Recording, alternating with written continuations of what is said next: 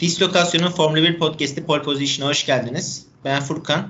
Bugün yanımda yine geçen hafta olduğu gibi Okan abi ve Altay ile beraber Formula 1'de sezonun dördüncü yarışı İngiltere'de Silverstone'daki yarışın ardından yarışın değerlendirmesini yapacağız sizlere. Ee, abi nasılsınız öncelikle? Merhabalar. İyiyim ben kendi adıma. Altay nasıl bilmiyorum ama. Altay sen nasılsın? Ben de gayet iyiyim. Geçtiğimiz hafta son turları keyifli bir yarış izledik. Keyfimiz hala yerinde. Ben de onu soracaktım yani. Bu yarış sizi tatmin etti mi? Öncelikle. Ya açıkçası söylemek gerekirse hani ben böyle son 10 tura kadar dedim ki yani konuşacak çok fazla şey bulamayacağız gibi hissediyordum. yani son 3 tur beni fazlasıyla doyurdu. Ee, podcast'te konuşacak güzel şeyler oldu yani.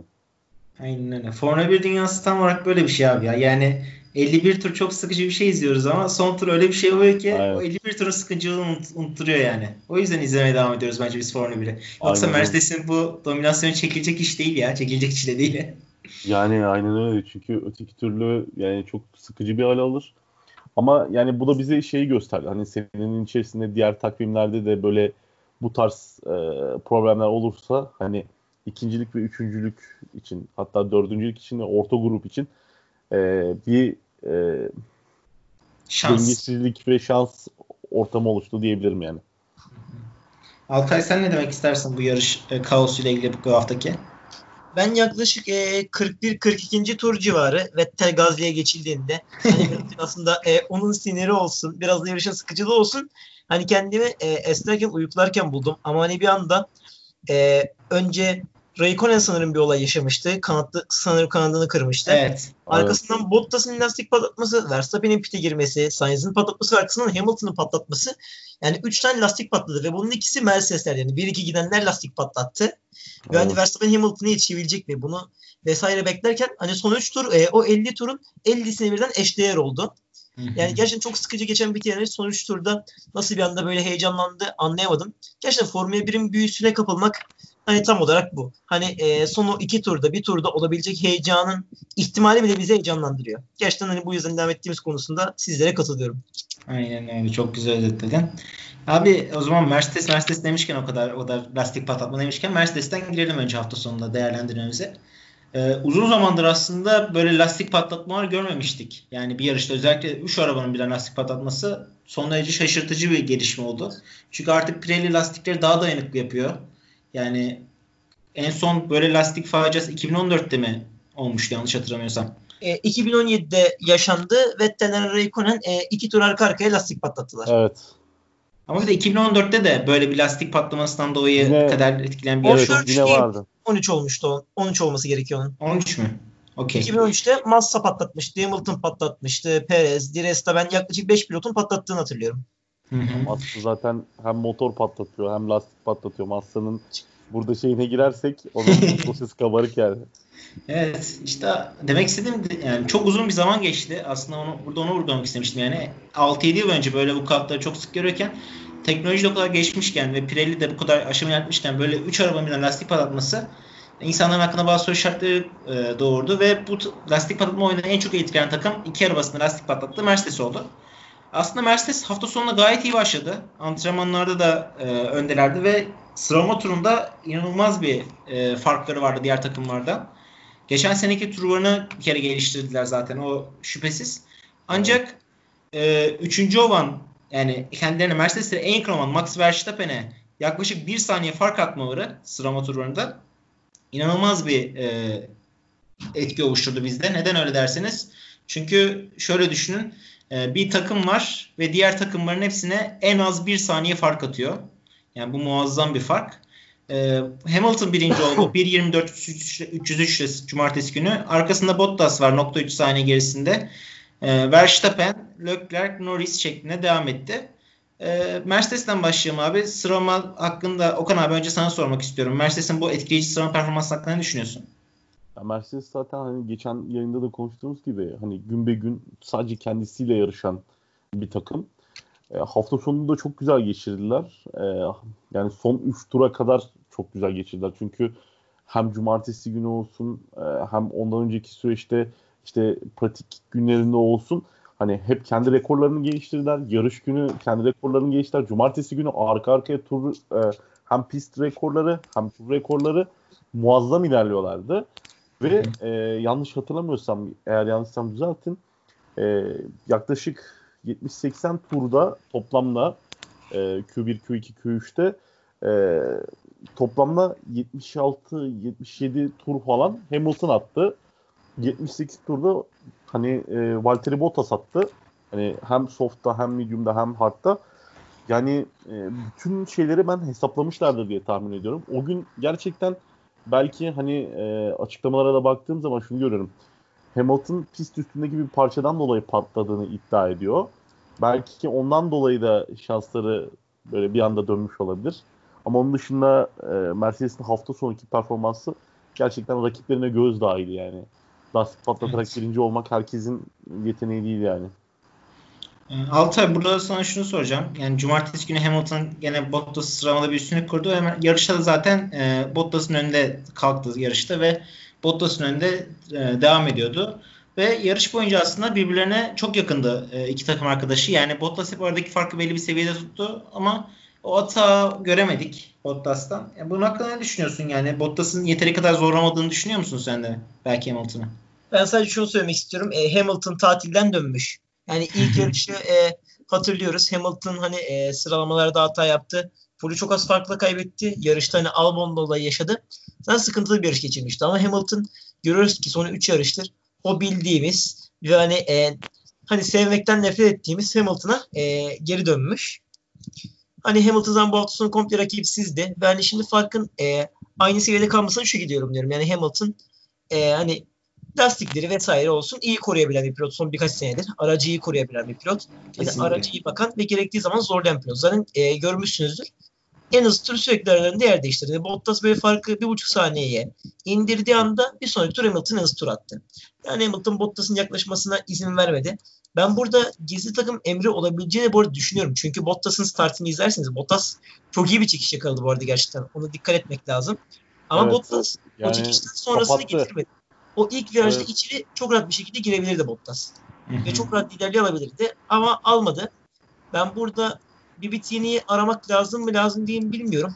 Ama hani e, hani ben Bottas'ın yeterince zorladığını şahsen düşünmüyorum. Hani diyelim ki yeterince zorladı. Sana o zaman da Hamilton e, bu zorlamanın belli bir seviyede e, kalmasını sağlayacaktır. Yani Hamilton tatilden dönmüş. Sezonu şimdiden kapatsak iyi olacak. Peki e, Altay şey hakkında ne düşünüyorsun? Okan abi biraz bahsetti ondan ama yani iki Mercedes'in lastik patlaması hakkında düşünüyorsun. Sence bunun e, DAS sistemiyle bir ilgisi olabilir mi? Öyle haberler çıktı çünkü bugün e, piyasada. Yani last, DAS sistemi lastikleri ısıtırken aynı zamanda lastiklerin aşınmasını da arttırdığı için belli bir e, oyna yani lastikler hani böyle şeyleri değişiyor ya, yönleri değişiyor ya. O süreçte ön lastikleri etkilediği için e, diğer takımlara kıyasla iki arabanın patlaması nedeniyle boğulduğunu söyleyen e, iddialar da çıktı. Sen ne düşünüyorsun bunun hakkında? E, biz bunu kendi aramızda konuştuk şu şekilde yorumluyoruz. Aslında bunun e, DAS sorgulanabilirdi aslında bunda. Ama e, şu iki faktörü unutmayalım. Birincisi e, Kiat'ın daha 12. turda lastik patlatması. İkincisi Raikkonen'in kırılan kanat parçaları. Üçüncüsü Verstappen'in pite girip Sainz'in lastik patlatması. Yani aslında bu Mercedes'ten çok e, nasıl desem hani böyle genel bir sorun gibi gözüküyor. Hani lastikleri biraz daha zorlayan olsun. Çünkü Sainz e, bütün yarış Leclerc'e yaklaşmaya çalıştı. Hani farkı sürekli 4-3,5 saniye arasında gidip geldi. Hani e, Sainz yaklaşamadı edemedi. Onun dışında Hamilton'dan Bottas sürekli bir tur savaşı veriyorlardı. Verstappen'desiniz Bottas'a yaklaşabilir miyim diye zorluyordu. Ben genelde zorlayan pilotların e, ilk 5'teki 4 pilotun zaten lastik patlattığını gördük. Sainz çünkü sanırım 5. gidiyordu o sırada. Evet. Hamilton Bottas'tan 1-2. Verstappen de 3. sıradaydı. Hani Leclerc haricinde e, bütün pilotların lastiklerle ilgili sıkıntı yaşadığını gördük. Ben o yüzden bunu DAS'a pek bağlayamıyoruz. Yani DAS'ın bu sene kullanıldığını sanırım araç üstü görüntülerde pek görmedik. Evet, evet görmedik. Ben de dikkat ettim ona. 3 yarış, 4 hani, yarıştır. F1 TV'de izleyene belki denk geliyordur ama ben hiç denk gelmedim. Hani ya reji getirmedi ya fazla kullanmadılar. Ama hani bunun DAS'la alakası olduğunu pek sanmıyorum. Olur da e, bir iki yarış daha bu manzarayı görürsek o zaman e, zaten DAS'la ilgili bu sorgulamaları da görürüz. Ama ben e, pek düşünmüyorum şahsen evet. DAS'la alakası olduğunu. Ya yanlış hatırlamıyorsam bu arada e, pit yani beklenen pit süresi için şey geçiyordu. E, 13 ile 17. tur arasında bir şey evet. geçiyordu. Evet. Belli. Yani ondan yaklaşık bir 3 tur önce veya 4 tur önce yanlış hatırlamıyorsam pit yapılmaya başladı. Ee, bundan dolayı da olabilir. Hani belki Pirelli e, Silverstone için özel bir şey belirleyip hani tam böyle yarışın bitimine maksimum performansı getirecek şekilde bir ayarlama yapmış olabilir ve hani bütün takımlar da buna güvenerekten e, belki biraz daha uzun süreye güvenerekten böyle bir hamle yapmış olabilir. Hani bu da onların yanıldıklarını gösterir yani. Abi şöyle söyleyeyim. Tüm medium takım... lastikte Grosjean bayağı bir gittiğine göre yani hard lastikte aslında e, tur sayısının bayağı artması lazım normal şartlar evet. aslında. Abi şöyle söyleyeyim. Takımların hepsi 12 ile 13. tur arasında girdiler. Yani en son giren takım işte Grosjean saymazsak 13. turda girdi yani. Hepsi 12 13'te girdiler. O noktada işte Formula 1 Pirelli'nin başlangıç şeyi 13'tü. Yani bir tur evet. erken girmiş diyebiliriz ama Mercedesler de 13'te girdi mesela. Yani sınırda girdiler. E, buna karşı da işte önümüzdeki hafta Pirelli böyle bir sıkıntı yaşamamak için lastik basıncının ayarlanmasını ve e, lastiklerin şey derecesinin bir tık daha yumuşatılacağını söyledi. Yani böyle problem karşılaşmayacağı için. O yüzden haftaya ben böyle sorunlar göreceğimizi pek düşünmüyorum. Ee, Okan abi Mercedes hakkında eklemek istediğin bir şey var mı son yoksa e, Red Bull'a geçelim yavaştan. Mercedes hakkında değil de yine lastikler hakkında şöyle bir şey ekleyebilirim. Hani mesela e, yani aracın tüm e, kuvvetini kullanan pilotlarda dikkat ederseniz e, lastik basıncı bir tık daha yüksek oluyor normale göre. Çünkü hani sizin hani e, evet. gerçi orta seviyeye bir tık daha yani ortanın bir üstü diyebilirim. Hani daha iyi verimli bir çalışmasını sağlıyor. Belki hani sıcaklık da e, beklenenin üstündeydi biraz. Hem sıcaklık hem bu hem de yüksek hız da eklenince bir de bir iki turda erkenden gidince hani hepsi arka arkaya reaksiyon gösterip e, karşımıza bu şekilde çıkmış da olabilir yani. Evet. O noktada katılıyorum sana abi. Yani dediğin şey çok doğru noktaya parmak bastın. O noktada bu lastik sıkıntısını önümüzdeki hafta görmeyeceğimizi düşünüyorum ben. Bilmiyorum. Ee, bakacağız yani önümüzdeki hafta gene aynı pist çünkü Silverstone. Ee, ayrıca Pirelli, şey Formula 1 yönetiminin e, bir kaçıncı viraj unuttum da özel bir aldığı kerb e, yöntemi var. Yani lastiklerin orada patladığını tahmin ediyorlar. Oraya özel bir koruma da koydular. Hem lastiklerin böyle daha değiştirmesi hem o viraja özel curb konması e, işleri pozitife çevirecektir bu patlama noktasında. Çünkü maksimum güvenlik e, felsefesiyle yarışlara hazırlanıyor. Hem Pirelli hem Formula 1. Ee, abi şeye geçelim. Ben buradan şeye geçmek istiyorum. Ee, Max Verstappen ve onun hızına geçmek istiyorum. E, neden derseniz şöyle Mercedes çok hızlı çok hızlı diyoruz ama Max Verstappen e, bu yarışın sonlarına do- doğru bile e, Mercedesler arasındaki farkı hep belli bir seviye tuttu. 10 saniye civarında tuttu. Ki bu da bence Red Bull için çok çok pozitif bir gelişme. Neden derseniz yani Mercedeslerin normalde efendim Evet. Ya, onayladım. Yani şey hafta sonu zaten ee, hani işte, Max Verstappen benim sesim geç mi gelir bu arada size? Abi çok az geldi orada da pek alamadım sesini. Buyur sen. Ha, tamam o zaman. Sen buyur. Ben senden sonra söyleyeyim. Tamam. Ee, hep 10 saniye civarında tutması aslında Mercedeslerin aşınmış lastiklere rağmen pit stop yapmasını engelledi. Çünkü geçtiğimiz haftaki gibi e, Mercedesler arkadaki arabaya yeteri kadar uzun fark açsaydı muhtemelen pit stop yapıp e, nasıl olsa arkadaki arabanın önüne dönecekleri için gene 1-2 bitireceklerdi. 2 pit stop izleyeceklerdi ama Verstappen tehdidi Mercedes'in pit stop yapmasını engelledi ve Verstappen de bence çok iyi bir sürüş çıkardı. Yani Red Bull aracından gene maksimum aldı diyebiliriz. Artık hata yapmayan daha bilinçli, daha kuvvetli bir Verstappen var. Ve ki e, şu an sadece Mercedes'leri tehdit eden e, tek isim olacak bir gözüküyor şampiyonada. E, Red Bull'da Verstappen 3. olurken yani bildiğiniz gibi sıralamada da 3. olmuştu. E, ancak e, Albon ise sıralamada yine hayal kırıklığı yarattı ve yarışta da aslında bir hayal kırıklığı oluşturdu diyebiliriz. E, çünkü biliyorsunuz e, Albon Q2'de elendi 13. sırada ve yarışta da e, geçiş yapamıyordu. Onunla da Honda onu tekrar pite aldı. Ekstra pitle beraber e, yavaş yavaş yükseldi ve 8. sıraya kadar yükseldi e, tatlayan lastiklerin sonucunda. E, Red Bull'un performansını yorumlamaya benim için Okan abi başlayabilir misin?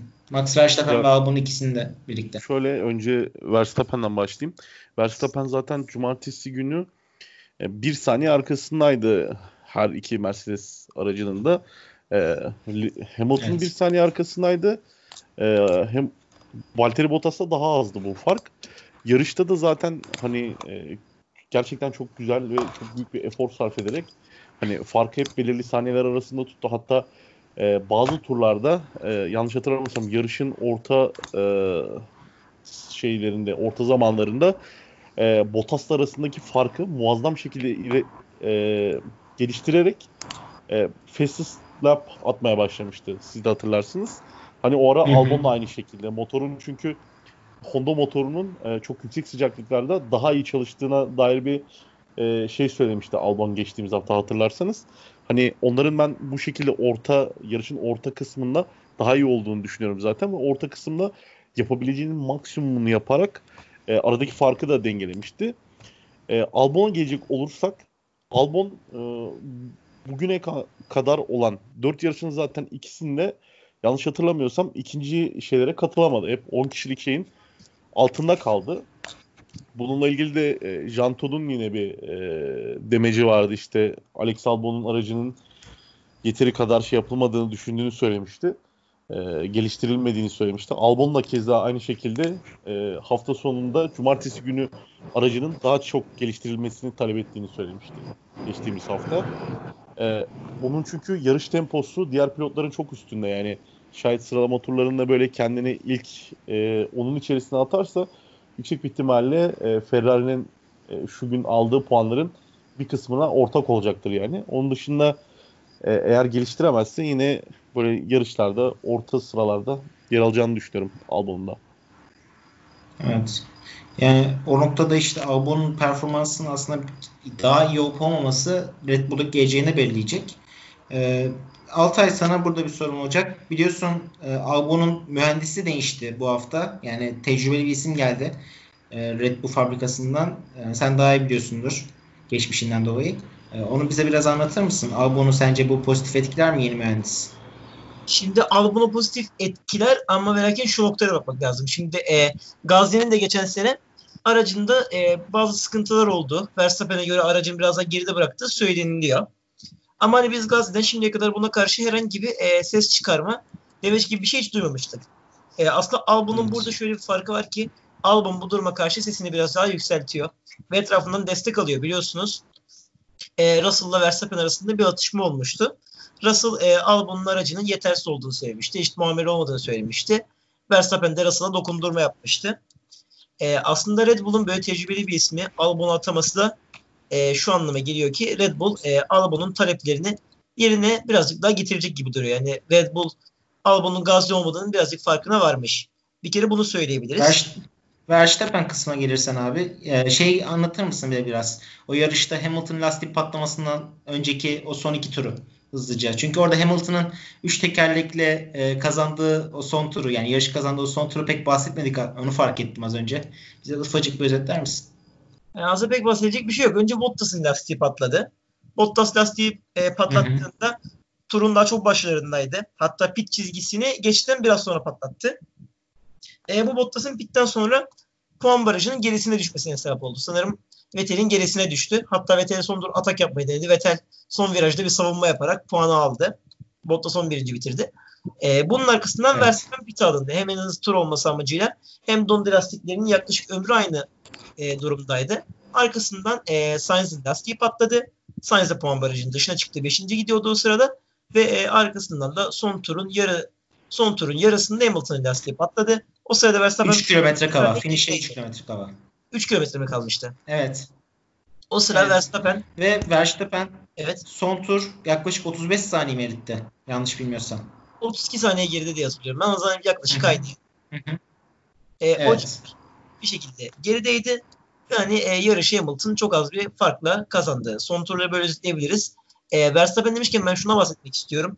Bence Red Bull'un yaptığı hamle gayet yerindeydi. Hani ikinciliği almalarını sağladı. E, birincilik için bir riske gireceklerdi. Bu riske girmediler ve lastikle patlatmadılar. Hani puansız bitirmektense 3 puan daha fazlaya bitirdiler. Yani 3. bitireceklerini. ikinci Aynen bitirdiler. yani 6 puanlık evet. bir şey için bu tehlikeye girmek çok mantıksız olurdu onlar için de. Bu yüzden ben Verstappen'in yarışı e, kazanabileceği görüşüne katılmıyorum. Tabii ilk başta biz de bir heyecanla Verstappen niye pite girdin şeklinde birazcık bir sitem ettik Red Bull pit duvarına. Ama hani bunun şu anda birazcık mantıksız olduğunu görüyorum. Onun dışında Verstappen zaten bu hafta sonu her zamanki e, stabil, Mercedes'in arkasında belli bir hızda durabilen Verstappen sürüşünü gerçekleştirdi. Hani ekstra edecek bir şey yok. Verstappen e, sakin sürdüğündeki hızını yine gösterdi bu hafta sonu bize. Yani burada hem Verstappen'i övmemiz gerekiyor. 10 saniyelik o fark tüm yarışmacı koruduğu için ve işte bu yarışmada Bottas'ın hatasından faydalanıp az daha birinci olmaya gittiği için. E, tabii o birinci olması Red Bull açısından pozitif bir gelişme olabilirdi. Yani takıma umut pompalayabilirdi. Çünkü hep Mercedes'in galibiyetindense yeni bir takım galibiyetini görmek kendilerine biraz daha e, pozitif etki yapabilirdi. Onunla son turda Verstappen en hızlı tur atıp artı bir puan alması önemliydi. 1.27 attı son turu ve e, Hamilton en hızlı turundan yaklaşık 2 saniye hızlıydı. Bu da onlar için aslında yani gene iyi bir gelişmeydi yani. Doğru lastikler bir artı bir puan alması. E, Okan abi sen Hamilton, e, Verstappen'in şeyinin gereksiz olduğunu söyledin. Riski almasının gereksiz olduğunu söyledin. Evet. Neden böyle söyledin? Ya şimdi şöyle hani baktığın zaman hani e, Carlos Sainz'la hani hem de buraya geçiş yapmış olabiliriz. Yani McLaren aynı şekilde e, yanlış hatırlamıyorsam Valtteri Bottas'tan sonra lastiği patladı değil mi Carlos Sainz? Ben öyle hatırlıyorum. Evet. Carlos Sainz'da mesela Carlos Sainz'da hemen hemen ondan bir iki tur önce Valtteri Bottas ilk araçta rahat hissetmiyorum kendimi ve titreşim var dediği zaman sol tarafta e, Mercedes durumun iyi olduğunu devam edilmesi gerektiğini söylemişti. Ondan iki tur sonra da Carlos Sainz aynı şekilde bir yorum yapmıştı. Aynı şekilde McLaren'de bir sorun olmadığını, e, devam edebileceğini söylemişlerdi ve ikisi de yanlış karar aldıklarını gördüler. Bence Red Bull pit ekibi burada çok mantıklı bir hareket e, sergileyerek işi biraz daha arkadaki zaten Leclerc'le fark bayağı bir vardı. Hani işini direkt garantiye alarak o, oradaki 19 puanı kendini direkt kitleyerek e, pitini yaptı. Ondan sonra geldi pit stopunu yaptı. Ondan sonra yarışı ikinci bitirdiler ve bence çok makul olduğunu düşünüyorum bunun. Çünkü yani Pri için deve yapmak olurdu. Carlos Sainz eli boş döndü e, şu anda ilk yarışta. Silverstone'daki. Evet abi. Yani o noktada ikiniz aslında çok güzel özetlediniz bu noktaları. Yani Red Bull için aslında bence gene güzel bir hafta sonu oldu diyebilirim. Max Verstappen açısından konuşursak. E, Albon'un önümüzdeki yarışlar bence kaderini belirleyecek. E, Charles Leclerc'ten bahsettin abi. Hafta sonu aslında bence en büyük sürprizi olabilir. Yani Ferrari'nin e, özellikle sıralama turunu dördüncü bitirmesi cumartesi günü. Hemen ardından Leclerc'le işte sürprizi podyum yakalaması öndeki araç e, Bottas'ın lastik patlaması sayesinde. Ki Ferrari'nin bu sene işte oldukça yavaş olduğunu zaten sürekli konuşuyoruz. E, buraya Ferrari daha düşük downforce ayarlarıyla geldiler. Arka kanatları daha dikti. Ön kanatları da aynı şekilde ona göre ayarlıydı. Ama bu taktikleri işe yaradı yani. Fazla yere bas artık Formula 1 araçları o kadar yere basma üretiyor ki e, yere basmadan feragat ederek düzlük hızı kazanmak için Ferrari böyle bir yöntem izledi. Ve e, bunun Charles Leclerc üzerine baktığımızda faydasını gördüğünü görebiliyoruz. Ferrari açısından konuşmak gerekirse. E, Altay sen nasıl görünmüyorsun Leclerc'in hafta sonunu? Sana şeyi sormayacağım özellikle. Vettel'i sormak istemem. Vettel'i de e, Okan abi anlatsın çünkü. Biraz daha şey bir olsun, objektif olsun. evet, evet. Yani lütfen şimdi Vettel'i objektif olarak yorumlar mıyım? Yorumlarım. Ama hani Vettel bana Formula 1'i sevdiren isimlerden birisi olduğu için duygusal her zaman bakıyorum. E, dinleyicilerimizin de haberi olsun. ee, Sana Leclerc, sen Leclerc'i anlat bize şimdi. Şimdi Leclerc yorumunun gerekirse Leclerc'in zaten safız konusunda iyi olduğunu ve e, çok hızlı bir şekilde öğrenebildiğini biliyoruz. Aslında Silverstone'da Leclerc için güzel bir av sahası. Çünkü yani Leclerc'in hızına, e, Leclerc'in yeteneğine çok e, nasıl söyleyeyim göstermesine imkan veren bir pist. Zaten geçen sene Verstappen'de çekişmeleri e, enfesti gerçekten. Onu hala hatırlıyoruz hepimiz. Hı hı. Evet. E, o şekilde. Onun dışında evet. yani onu almak gerekirse gerçekten Leclerc e, sıralamadaki dördüncülükte mükemmel bir sıralama turu geçirdi. Şimdi buna zaten şüphemiz yok. Yani hele Red Bull'ların birisinin olmadığı bir zaman ve Racing Point'de Perez'in olmadığı bir hafta dördüncü sıraya kendini attı. Krizi fırsat çevirmeyi başardı. Ondan sonrasında yarışta yapması gereken şey e, start yapabilirse atak yapmak, kazanabilirse yer kazanmak ama onun dışı dördüncülüğü korumaktı. Çünkü hani Ferrari için maksimum sonuç aslında dördüncülük belli. Aslında beşincilikti. Çünkü arkadan Racing Point'in gelmesini veya Albon'un gelmesini de bekleyebilirdik. Yani Leclerc maksimum da maksimum aldı. Çünkü podyum gerçekten Ferrari için bu hafta sonu sürpriz bir sonuçtu. Yani Leclerc bunu başararak gerçekten güzel bir iş elde etti. Yani şans e, onu bekleyenin ayağına gelirmiş. Leclerc bütün yarışmanın temposunu korudu. Lastiklerini iyi bir şekilde kullandı. Ve hani e, son turlara geldiğimizde onunla bekle piti girdiğini de hatırlatalım. E, ilk 5 pilot arasından lastik patlatmayan veya bir sıkıntı yaşamayan tek kişi Leclerc oldu. Yani şunu düşünelim. Şeyi neye bağlıyorsun Altay? Efendim? E, McLaren'in McLaren'in Leclerc'e yaklaşamamasını neye bağlıyorsun arkadaki e, takımların? Yani bu konuda aslında birazcık da e, yarış ayarlarına ve aracın buraya uyup uymamasına bakmak gerekir. Ama ben McLaren'in e, Ferrari ile Macaristan'da özellikle yarışan hıza sahip olduğunu pek düşünmüyorum. Çünkü Sainz e, önü açıkken, kirli hava yokken Leclerc'e yaklaşamadı. Leclerc her zaman farkı belli bir seviyede açmayı başardı. Oysa geçen hafta Sainz geriden gelip geçmeyi başarmıştı. Norris Leclerc'i savunmayı başarmıştı. Yani McLaren bence bu hafta birazcık bir hız problemi çekiyordu. Yani Leclerc'in iyi temposundan tabii ki de zaten e, bir şüphemiz yok ama hani McLaren'de ben bu hafta sonu hız eksikliği çektiğini düşünüyorum. Tamam. Anlaşılmıştır. E, Leclerc'in aslında üçüncü olması dediğin gibi bence de maksimum maksimumuydu Ferrari Yani açısından. maksimum maksimum. Bunun diğer- galibiyet. Aynen öyle. Diğer Ferrari'ye geçelim. Bunu da Okan abiye soralım. Ee, bir tarafta dör, sıralamayı dördüncü bitiren Charles Leclerc, bir tarafta sıralamayı onuncu bitiren Sebastian Vettel. Ee, Charles Leclerc Hamilton'ın 1.1 saniye gerisinde bitirmişken Sebastian Vettel 2 saniye arkasında bitirdi. Yani iyi bir sıralama turu atamadı diyebiliriz aslında.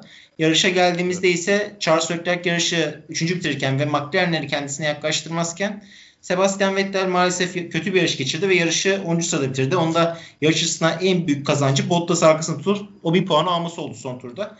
Ancak yarış içerisinde e, Gasly'ye geçilmesi, Albon'a geçilmesi e, ve işte arkadan gelen isimlere geçilmesi Vettel açısından ve Ferrari açısından hayal kırıklığı dolu bir gün oldu.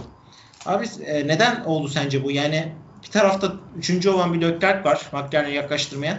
Diğer tarafta 10. bitiren bir Vettel var. Ya ben Charles Leclerc'ten başlamak istiyorum önce. Ee, Altay'ın biraz önce bahsettiği gibi McLaren'in aslında hani e, kirli havada yetişemediğini söylemişti. Ben burada biraz e, Grosjean'ın çok yardımcı olduğunu düşünüyorum bu konuya. Çünkü e, yarış ortalarını mesela Ferrari daha sıkıntılı geçiriyor.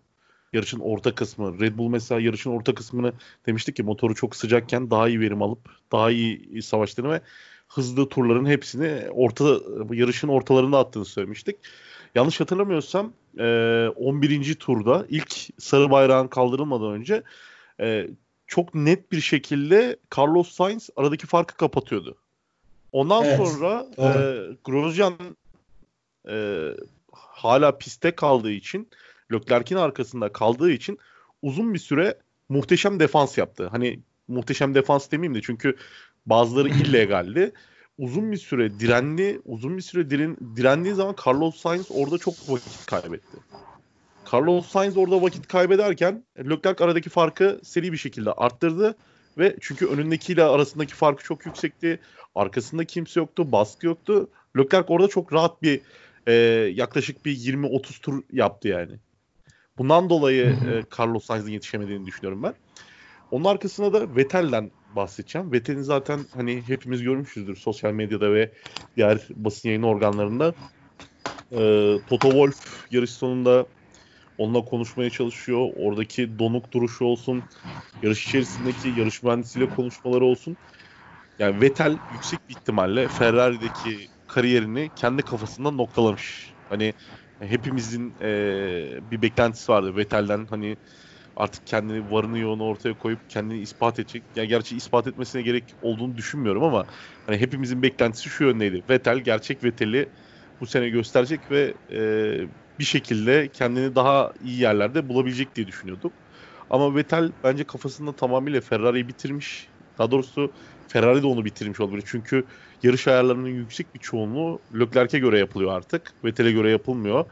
E, bu yüzden de çok sıkıntı çekmiş olabilir. Çünkü kendisi sürekli aracın yarış ayarlarıyla ilgili de e, pit duvarına bayağı bir serzenişte bulundu. Hatta bir açıklaması da vardı. E, birkaç tur daha olsaydı yüksek bir ihtimalle ben de lastik patlatırdım diye yarış sonrasında bir açıklama yapmıştı. E, yani bence Vettel kafasında Ferrari'yi bitirdi ve bu dönem ondan böyle yüksek performanslar izleyemeyeceğimizi düşünüyorum ben. Evet o noktada haklısın ve zaten şey de söylendi bugün çıkan haberlere göre. Aslında Vettel Racing Point anlaşmasının tamamlandı ama Perez'in virüs çıkması yüzünden bu anlaşmanın bir tık daha ertelendiği söylendi. Yani belki de Vettel oraya odaklandığı için bu hafta sonu bir tık e, düşüş yaşadı diyebiliriz. Yani böyle bir ihtimal doğmuş olabilir. E, abi Ferrari de yeterince konuştuk bence. Buradan hızlıca McLaren'e geçelim. Çünkü McLaren'e de bayağı bahsettik yani. Hem Sainz'in lastik patlaması olsun hem yetişememesi olsun. E, McLaren hakkında hızlıca biraz, birkaç yorum alıp sonra da sıradaki takıma geçelim ya hızlıca. Bu arada Ferrari hakkında. Buyur. e, yani Vettel'de ilgili şu detayı atladığımızı düşünüyorum. Vettel'in antrenmanları çok sorun yaşadığını da unutmayalım. Evet. Evet. Hani 3 antrenman 3'ünde de sorun yaşadı. Yani e, araç ayarları konusunda çok fazla geride kaldığını, Hülkenberg'in Vettel'den daha fazla tur attığını hatırlatmak lazım burada. Hani e, Evet. Vettel bu, bu sorunları yarışta da yaşadı mı yaşamadı mı bilmiyorum. Ama Vettel'in düşük performansında bana kalırsa bu sorunların da etkisi oldu. Çünkü çok sorunlu bir hafta sonu geçirdi Vettel. Bundan Ya sonra mental o- basit Mental olarak da zaten şeydi hani baktığımız zaman hafta sonunu çok kötü geçirdi. Cumartesi çok kötü geçirdi. Ondan önceki süreci çok kötü geçirdi. Hani yarışta çok kötü başladı onun için. Çünkü bir anda sıra kaybetti falan. Ee, ben Vettel'in artık hani e, çünkü hafta sonunu çok geçirmesinin çok kötü geçirmesinin sebeplerinden bir tanesi takımdı. Takım olduğu için Vettel artık hani Ferrari kafasında bitirip yeni e, gideceği takımı düşünüyor olabilir ya da yeni planı ne olacak onu düşünüyor olabilir. Yani yarıştan çok uzaktaydı bence Vettel bu hafta sonu. Katılıyorum kesinlikle.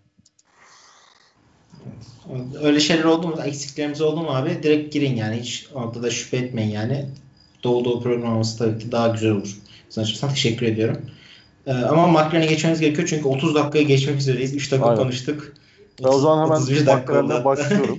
Yani McLaren'de zaten son dakika haberi vardı. Carlos Sainz'in korona olduğuyla ilgili bir haber geçmişti elimize.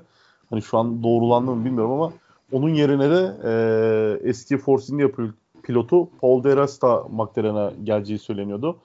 E, bir sonraki Silverstone yarışı için. Umarım hani Carlos Sainz korona değildir ve onu da bu hafta görürüz. Bu yarışta ise Carlos Sainz gerçekten e, biraz önce de söylediğim gibi Grosjean'ın arkasında çok debelendi. Uzun bir süre geçemedi. Yaklaşık bir 7-8 turluk bir arkasında kaldı. Ondan sonra geçti. Onun o, yani Grosjean'ın arkasına kim takıldıysa orada en kötü ihtimalle 3 tur 4 tur vakit kaybetti.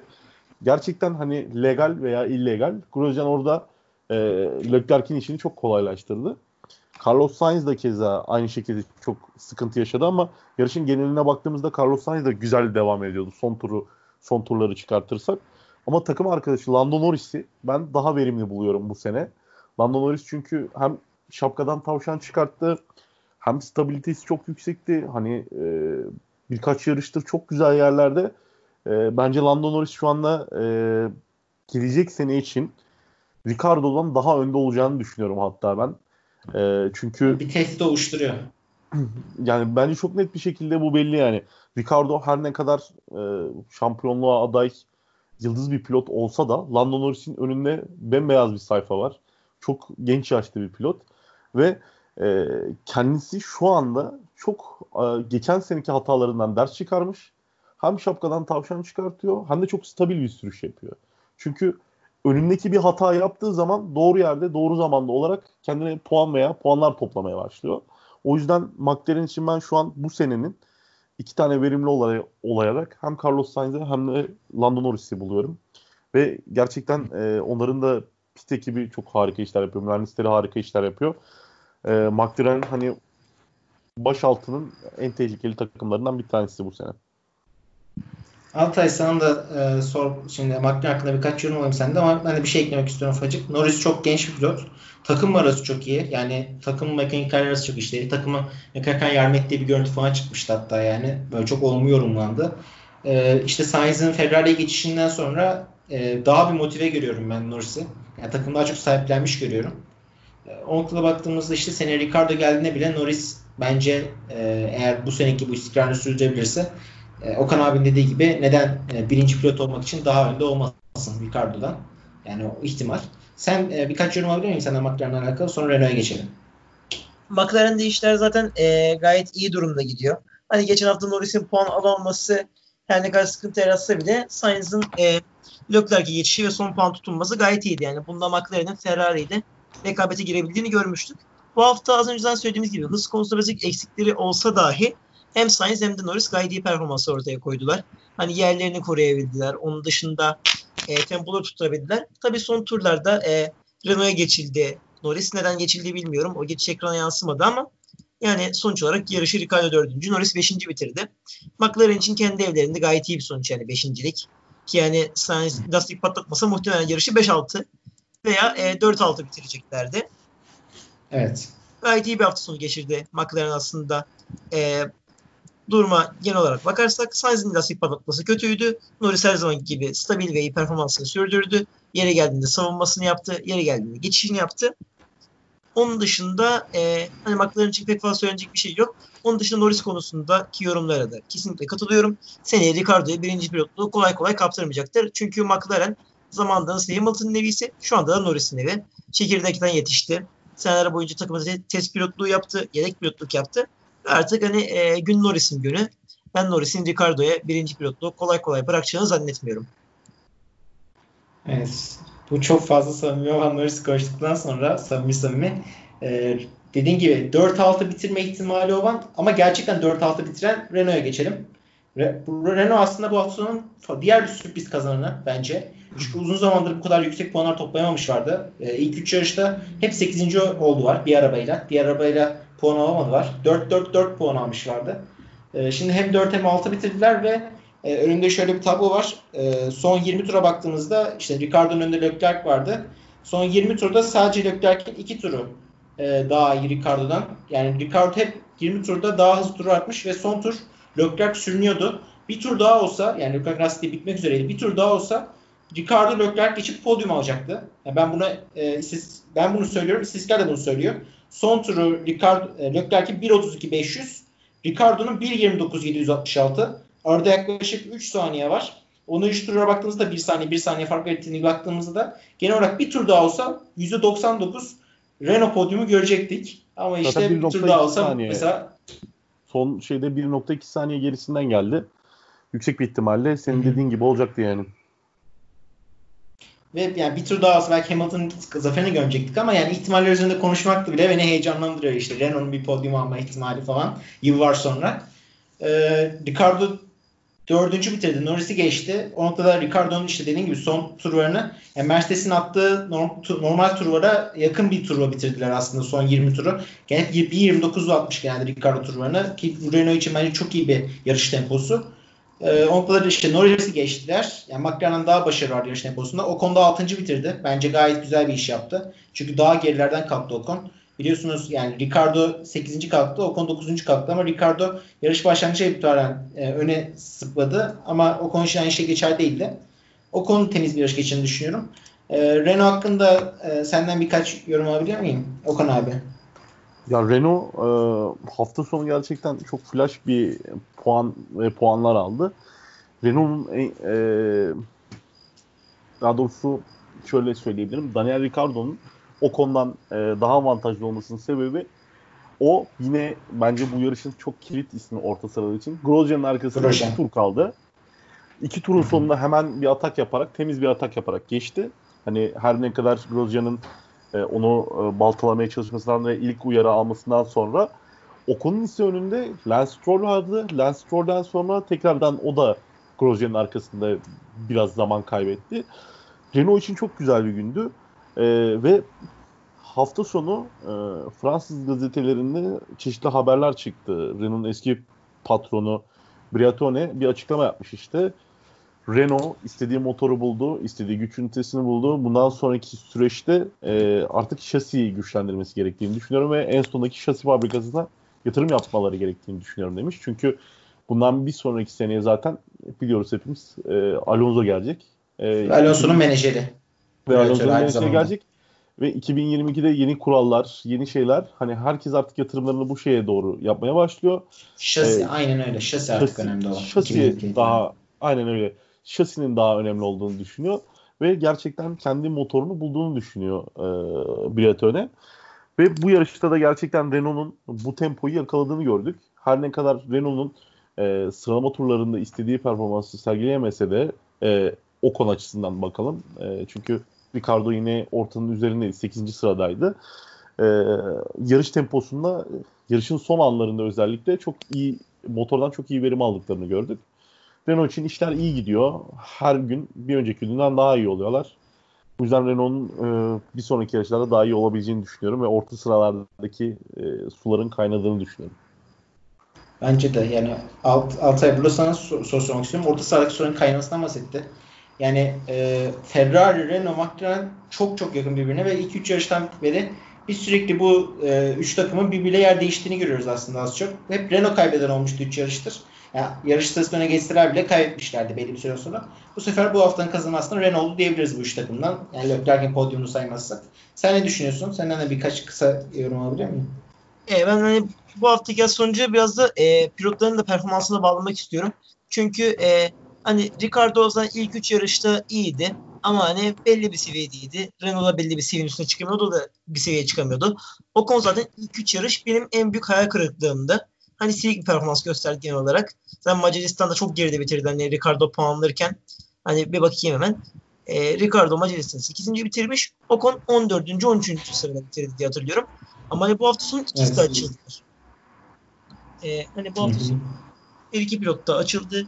Ricardo'dan e, McLaren'dan Sainz'i geçip dördüncü de aldı. Ve senin dediğin gibi podyuma yaklaşıyordu. Onun dışında Esteban Ocon bütün yarış boyunca e, Vettel'in ve Stroll'ün ensesindeydi. Zaten Vettel'i bir blokaj sonucu geçti. Ve daha sonra turlar boyunca kovaladıktan sonra Stroll'de geçmeyi başardı. Racing Point'in e, burada aslında çok da yavaş olmadığını farz edersek bence Stroll geçmesi güzel bir şey. Bir de yani, düzlükte, düzlükte çok e, yani düzlükte kazanarak geldi e, viraja ve orada geçti yani. Bu bence çok daha önemli. Motor açısından baktığın zaman bir tarafta Mercedes motoru var, bir tarafta Renault motoru var ve düzlükte çok yaklaşıyorsun. Bu bence büyük bir e, başarı yani Renault için. Kesinlikle katılıyorum. Kizan Vettel de geçişinde e, buna benzer bir şey olmuştu. Buna benzer bir geçiş yapmıştı. Yani o yüzden ben hem Renault için hem de e, Ocon ve Ricardo için iyi bir hafta olduğunu düşünüyorum. Özellikle e, Ocon'u birazcık tebrik ediyorum. Çünkü son e, sonunda dördüncü yarışta kendini birazcık daha e, aşmayı başardı. Kendini birazcık puanla tanıştı. Tanışmayı başladı. Yani puanla tanıştı demeyeyim. İlk yarış puan almıştı. Ama biraz da şanslı bir puan almıştı. Bu yarışta hak ederek e, o puan aldı ve e, en büyük eksikliği o konu. Geçiş yapma konusu. Bu yarış e, gayet güzel geçişler de yaptı. Yani o konuda artık e, açılmaya başladığını düşünüyorum. Zaten puan farkı fazla değil. Ricardo'nun 20 puanı var. Ocon'un 12 puanı var. E, ben hani Ocon sezon Ricardo'nun önünde bitirir demiyorum ama e, Ricardo'ya bundan sonra daha sıkı bir rekabete gireceğini düşünüyorum. Bakalım önümüzdeki yaşa ne gösterecek. Mercedes motorunun geçmesinden bahsettiniz canım. O zaman Mercedes motorlu 2 ve Racing Point'e geçelim.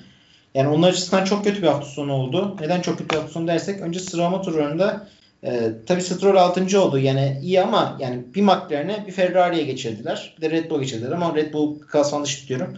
Yani bir Ferrari McLaren'e geçirdi Stroll. Daha üstte olmasını bekliyorduk biz Racing Point'in. 3. takım olmasını bekliyorduk. Hülkenberg 13. oldu. Bunu arabaya yine binmesine bağlayabiliriz belki. Ee, onun için kötü bir sıralamaydı ve pazar günü geldiğimizde Hülkenberg yarışamadı. Debriyaj kutusunda bir problem olmuş. Öyle olunca yarışa katılamaması hepimizi şok etti. Çünkü biz acaba podyum mu Hülkenberg yeni Racing Point'te çünkü 3. takım falan diye düşünüyorduk. Ancak baktık yarışta Racing Point 3. takım değil. Hatta Stroll'de e, arabadan yani istediği performansı alamadılar. Arabada bir uyuşmazlık vardı bugün pistte. Yani herhalde ayarları doğru yapamadılar. Bu da belki şeyin bir eksisi olabilir. Yani arabayı işte bu kopya denilen bir şey varsa e, aslında bunun en büyük dezavantajı arabayı tanımamak ve arabanın ayarlarını bilememektir belki de.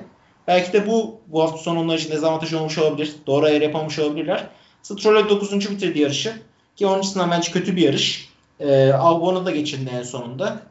E, yani Alfa Tauri'ye geçirmesi bence bu noktada Racing Point açısından kritik oldu. Gazi de geçti Stroll çünkü. E, Altay sen hazır demişken, orada Mercedes motorundan bahsetmişken oradan Racing Point'te e, ifade eder misiniz bizim için bu hafta sonu? Racing Point için aslında genel olarak moralsiz bir hafta sonu olduğunu söyleyebiliriz her şeyden öte. Çünkü Perez'i kaybettiler. E, onun dışında Hülkenberg döndü. Antrenmanlarda gayet iyi turlar attı. Sınavlarda 13. olması gayet doğal. Ama Stroll e, yine vasat bir performans gösterdi diyebiliriz. Hani geçen hafta yine biraz daha iyiydi. Bu hafta vasat kaldı Stroll. E, ondan sonra yarışta da yarış performansı bekledikleri kadar iyi olmadı. Hülkenberg'i de yarış başlamadan kaybettiler. Bence sonuç olarak e, son turlarda peş peşe Ocon'a geçildi. Stroll onun dışında e, Gazli'ye geçildi. Gazli, Albon. Gazli'ye geçildi, Albon'a geçildi. Yani neredeyse herkese geçildi. Bir tek Vettel'e geçilmedi. O zaman Vettel'in e, hafta sonu kötü geçtiğini biliyoruz. Yani e, belki de o şekilde Vettel Racing Point'e geçeceği için böyle gizli bir anlaşma yapmışlardı. Racing Point'e geçmesin Vettel. belki, sen, belki de sen bizi bu hafta geçme. Maaşını 5 milyon daha arttıralım. Sen Lawrence Stroll'de para var. O Racing Point'te o kadar para var mı ya? Lawrence Stroll'de iyi para var ama o başka bir podcast'in konusu olur bence. Ee, yani o şekilde aslında Racing Point'in çok tatsız bir hafta sonu oldu. Hani Stroll'ün performansı bence gerçekten vasat bir performanstı.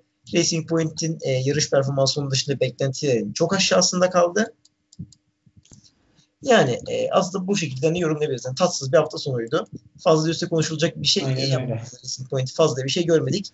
Onun dışında dayanıklılık sorunları yaşayabileceklerini de görmüş olduk Hülkenberg'in yarışa başlayanmasıyla.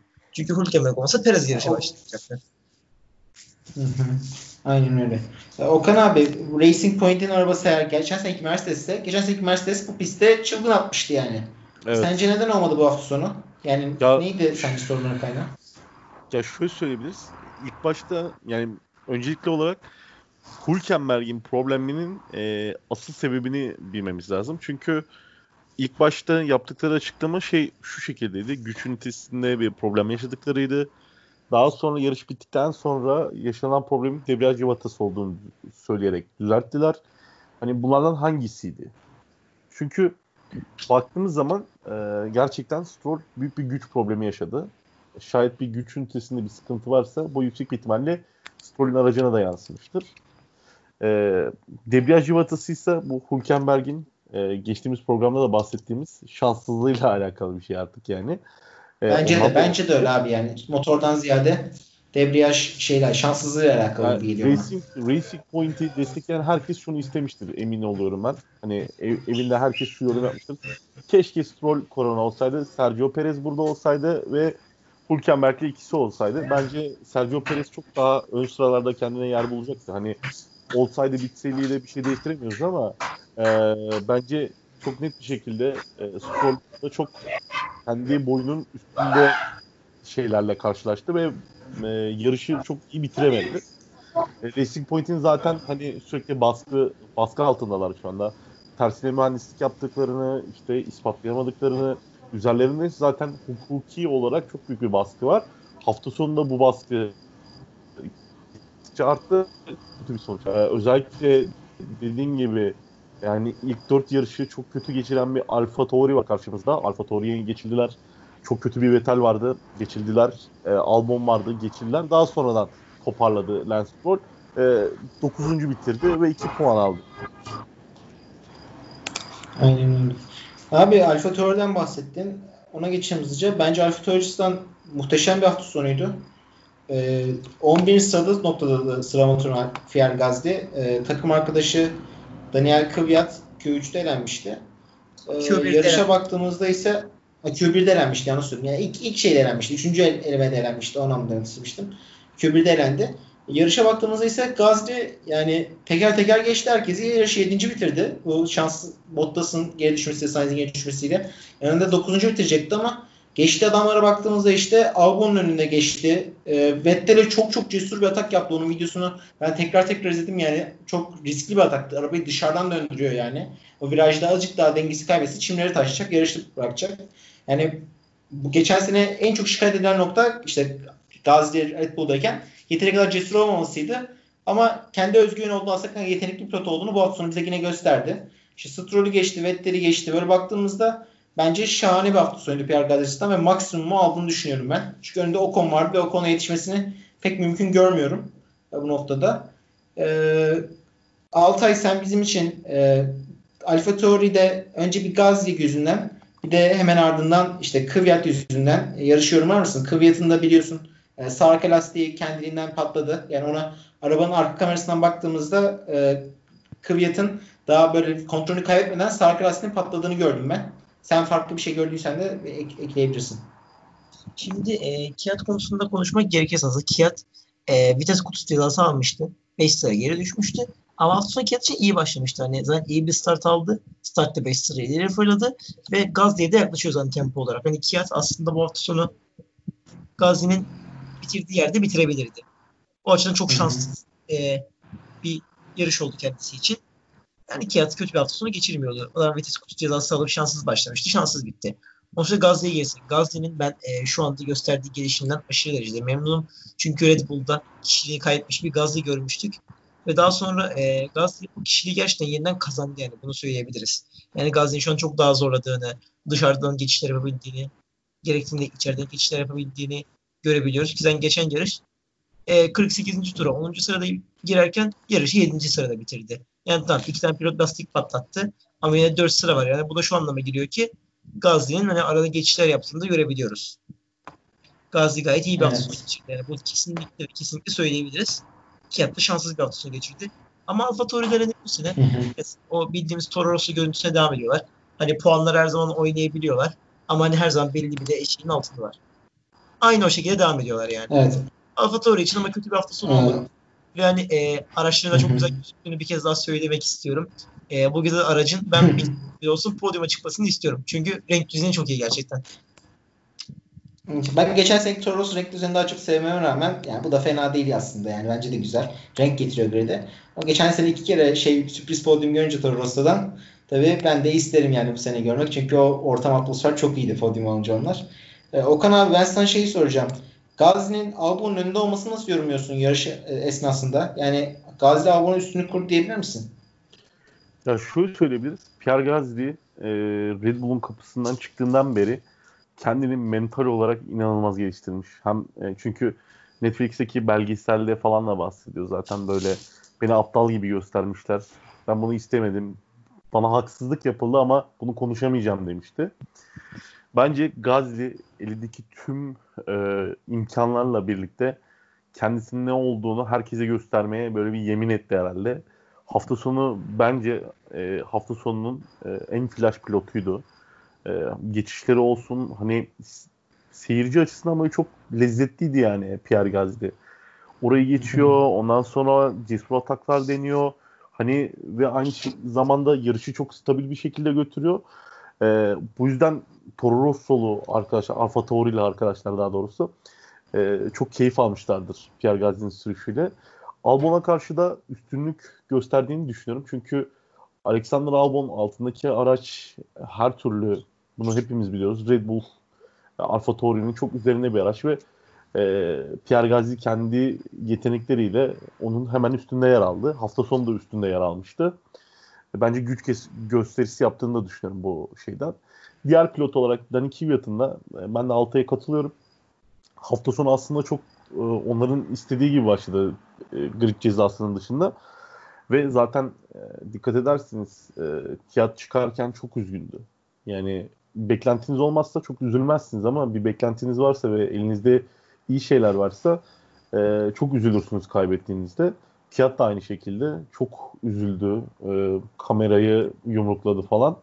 E, evet, o evet. açıdan gerçekten çok üzüldüğünü ve fırsatı kaçırdığını düşünüyorum. Çünkü e, Alfa Tauri için gerçekten çok güzel bir ortam vardı. E, ona, o da puan alabilirdi. 8 olabilirdi. Belki Albon onu geçerdi 7-9 olabilirdi. Yani bir fırsatı teptiğini düşünüyorum onun da. Ama Alfa Tauri'nin yükselişinden ben de memnunum. Ama ne yazık ki e, şöyle düşünüyorum ben. Renault'un yani Renault, McLaren ve Ferrari'nin e, Racing Point'i de ekliyorum. Racing Point'in olduğu yerde biraz daha geç gelecekler. Onlar alttan kendilerini sıyırdılar şu anda ama ortayla aralarında hala fark olduğunu düşünüyorum. Alfa Tauri'nin. Evet ama bu hafta sonu fark kapanıyor gibi geldik ve oraya bir takım daha eklenmesi bence beni ve bütün Formula izleyicilerini memnun eder. Siz de memnun eder bence. Tabii. Ee, o noktada rekabet güzeldir ve o işte dediğin gibi o Kvyat'ın sinirini hepimiz gördük yani. Beklentisi olan insan bu kadar üzülür. Demek ki %100 katılıyorum. Bakalım göreceğiz. Bir dahaki yarış gene işte İngiltere'de. Bu seferki performansını daha da merak ediyorum hafiflerini. Özellikle dikkatle izleyeceğim. Ee, abiler şimdi 3 takımımız kaldı. Ben bu 3 takımı aynı anda konuşup hızlı bir tur yapalım diyorum. Yani her takım hakkında düşüncelerinizi böyle bir iki cümleyle alıp programı kapatalım yavaştan diyorum. Çünkü e, yaklaşık 53-54 dakika olduk. Ee, Katılıyorum. Her üç takım da birbirinden yavaş. Aynen öyle. Yani çok da aslında koşu diğer takımlar değil çünkü ilk onda giremiyorlar. Hem sıralamada hem yarışta. Ve bu takımların böyle bir 10 fırın falan ekmek yemesi gerekiyor diğer takıma yaklaşmak için. Ee, Altay sende başlayalım. Williams, Haas, Alfa Romeo. Sırayla söyleyip e, yorumlarını hızlıca eklersen sevinirim. Şimdi e, öncelikle Latifi hakkında konuşacak bir şey zaten yok. E, bu hafta spinini atmayı es geçmedi. Yarışı da Güzel, devam. Latifi hakkında pek söyleyecek bir şey yok. Russell yine Q2'ye kaldı sanırsam. Onu tam hatırlamıyorum. Evet evet. Bir bakmanız evet Russell yine Q2'ye kaldı. Russell'dan yapması gereken şu. Takım arkadaşının önüne bitir. Kalabiliyorsan Q2'ye kal. Russell'da bunu artık e, her yarış şey yayarak yapmaya başladı. Aynı zamanda hani yarışı e, iki Alfa Romeo'nun da önünde bitirdi. Aynı zamanda Grosjean'ın da önünde bitirdi Haas'tan. Yani Russell için gayet iyi bir hafta sonuydu diyebiliriz. Yani Williams için 12.lik çünkü biliyorsunuz ki podyum gibi bir şey bu devirde. E, Alfa evet. Romeo'ya gelirsek Alfa Romeo vasat performansını sürdürdü. Yani pek zaten konuşulacak bir şey yok Alfa Romeo hakkında. Bu sene dramatik bir şekilde yavaşladılar. Ve Raikkonen artık uzatmaların da uzatmasını oynuyor. Ki zaten emekli olacağı dair haberlerde çıktı. Ben geciktiğini bile düşünüyorum. Ve zaten seneye de Ben bir şey diyeceğim. Çok çok evet. bir şey diyebilir miyim? Evet. E, Giovinazzi sıralamada Raikkonen'i gene yendi. Giovinazzi en kötü pilot en kötü pilot diye söyleniyor ama sıralamada nokta 2 saniye fark atarak e, aynı arabayla Raikkonen öne geçti. Yarışta da keza aynı şekilde Giovinazzi 14. bitirebilirken Raikkonen ön kanının etkisiyle tabii ama ön kanı kopmasa bir Giovinazzi'nin arkasındaydı. Bir sıra arkasındaydı gene. E, sonuncu bitirdi yarışı elinden çıkarırsak. Yani genel olarak aslında Raikkonen'in bence tamamen bittiğini ben düşünüyorum. Yani emekli olmalı bu sene sonunda. Bence zorunluluk bu. Yani Giovinazzi bile Raikkonen'in şu dönemde form olarak üstüne çıkıyor. Benim yorumum bu kadar. Devam edebilirsin hemen hızlıca. Ben de aynı şekilde sana Raikkonen konusunda katılıyorum. İyi pilottur. Eski şampiyondur. Zamanla damga vurmuş pilottur. Ama artık devri bitti. Yani herkesin devri e, gün giriyor bitiyor. Schumacher'in bile yani emekliliğini bu gözleri izledi. Onun dışında Haas'a gelecek olursak Haas Haas'tan, yine Haas'ın konuşulacak bir takım. Çünkü bu hafta sonu cesur bir strateji denediler. Grosjean güvenlik aracı pit almadılar. Ve hani ön tarafta birazcık kendilerini gösterdiler aslında. Ama hani Grosjean'ın Sainz, Sainz'a geçildikten sonra pit alabilirlerdi. Belki arkadan e, lastik grup hız avantajıyla son turlarda Gasly'nin ve Albon'un yaptığı gibi bastırabilirlerdi. Grosjean geç pit aldılar. Onun dışında Magnussen Albon kazası var. Bizim Albon'da aslında es geçtiğimiz bir şey oldu bu. Bundan ufaktan konuşayım. Evet. Ben bundan Magnussen'in pek de masum olduğunu düşünüyorum. Çünkü Magnussen blokaj attıktan sonra e, kapatmış. Dış çizgiden yani. gelirken Albon'u gerçekten fazlasıyla kapattı. Yani sen dışarıdaysan ve iç çizgiden birisi geliyorsa, yaklaşıyorsa sen o çizgiye o kadar agresif giremezsin. Ben o yüzden Fia'nın orada e, Magnussen'i biraz gereksiz kullandığını düşünüyorum. Onun dışında Magnussen de yani iyi pilot, hızlı pilot ama bazen gereksiz agresifliği bitiriyor. E, gereksiz agresifliği Magnussen'i yine bitirdi, yine bitirdi. Bu şekilde bu üç takımın özetleyebilirim. Üçü de birbirinden yavaş ve üçü de sezon boyunca pek fazla puan alabilecek gibi durmuyor. Evet belki 10.luktan 9. puan alırlar. Okan abi 57. E, dakikadayız. 60'ta aradan bitirmeyi düşünüyorum. 2,5 dakikada 3 takım var özetler misin? Senin için zor bir görev ama. oldu biraz. Özetliyorum. E, yok hemen özetliyorum. Zaten hani notlarımı almıştım burayla ilgili. Ben e, son aşağıdaki 3 takım için tek pozitif tarafın Russell olduğunu düşünüyorum. Geçtiğimiz programda da bahsetmiştim. Yetenek olarak e, yani mental olarak kendisini daha iyi yerlerde görmek istediğimden bahsetmiştim ve kendisi gerçekten her zaman e, aracın maksimumunu hatta maksimumdan daha fazlasını alıp geçtiğimiz sene yanlış hatırlamıyorsam tek puan alabilecekleri yarış e, Almanya'ydı. Almanya'da da Kubica onu geçti ve puan alamamıştı Russell. Russell artık oradaki oradan ders çıkarmış ve hani yapabileceği bütün atakları kendisini öne geçirecek bütün karşısındakilerin hatalarını sezerek e, kendini hep bir, bir iki sıra üste almaya çalışıyor. Burada da e, yani elindeki imkanlar bu kadarına izin veriyor. Buradan Maksimum alıyor diyebiliriz. Ya maksimumunu, maksimumunu gerçekten tam en üst seviyede alıyor. Buradan hızlı geçmek istiyorum. Günter Steiner'in bir açıklaması vardı e, bu hafta içinde. E, orta grupla yarışabilecek güçlü olduklarını ve yarış tempolarının iyi olduğunu ama sıralama turlarının kötü olduğunu söylemiş. Ben de Günter Steiner'in biraz hayal gördüğünü düşünüyorum açıkçası. Yani bu yarışta evet gerçekten e, bir anlığına 5. oldular ama bu tamamıyla gerçekten Grosjean'ın yani giydi öldür hakkını ver diyebiliriz burada. Çünkü yani Grosjean her ne kadar e, bu şu an hali için hali hazırda gridin içerisindeki en kasap pilot olsa da çok iyi bir lastik yönetimi var. Ve lastik yönetimini muazzam yaptığını düşünüyorum orada. Çünkü çok uzun süre medium lastikte çok uzun süre gitti. Ee, ama Günther Steiner'in bu hayalden kurtulması gerektiğini düşünüyorum. Çünkü gerçekten çok yavaşlar ve ihtiyaçları olduğunda gerçekten e, bunu kullanamıyorlar. Onun dışında size katılıyorum. Kimi Raikkonen'in artık e, Kimi Raikkonen'in artık e, kendisini e, bu işten soyutladığını, biraz hani sabah 8 akşam 5 işe gelen memur gibi düşündüğünü düşünüyorum. Yani çünkü hem keyif, keyif almıyor, e, herkese geçiliyor. Yani bir efsaneye yakışmayacak performanslar bunlar. Bence bir an önce emekli olmalı ve tadına bırakmalı. Onun dışında zaten e, Giovinazzi için de çok fazla söyleyecek bir şeyim yok. Zaten tarafın belli oynazlık konusunda. Ee, inşallah Alfa Romeo için daha güzel günler görebiliriz. Teşekkür ediyorum abi. Çok güzel ödedin. 15 saniye kaldı. Ee, bizden için teşekkür ederiz. Burada bitireyim programı da 60 olmasın. Ee, çok güzel program oldu. Ağzına sağlık. Görüşmek üzere. Hoşçakalın. Kendinize iyi bakın.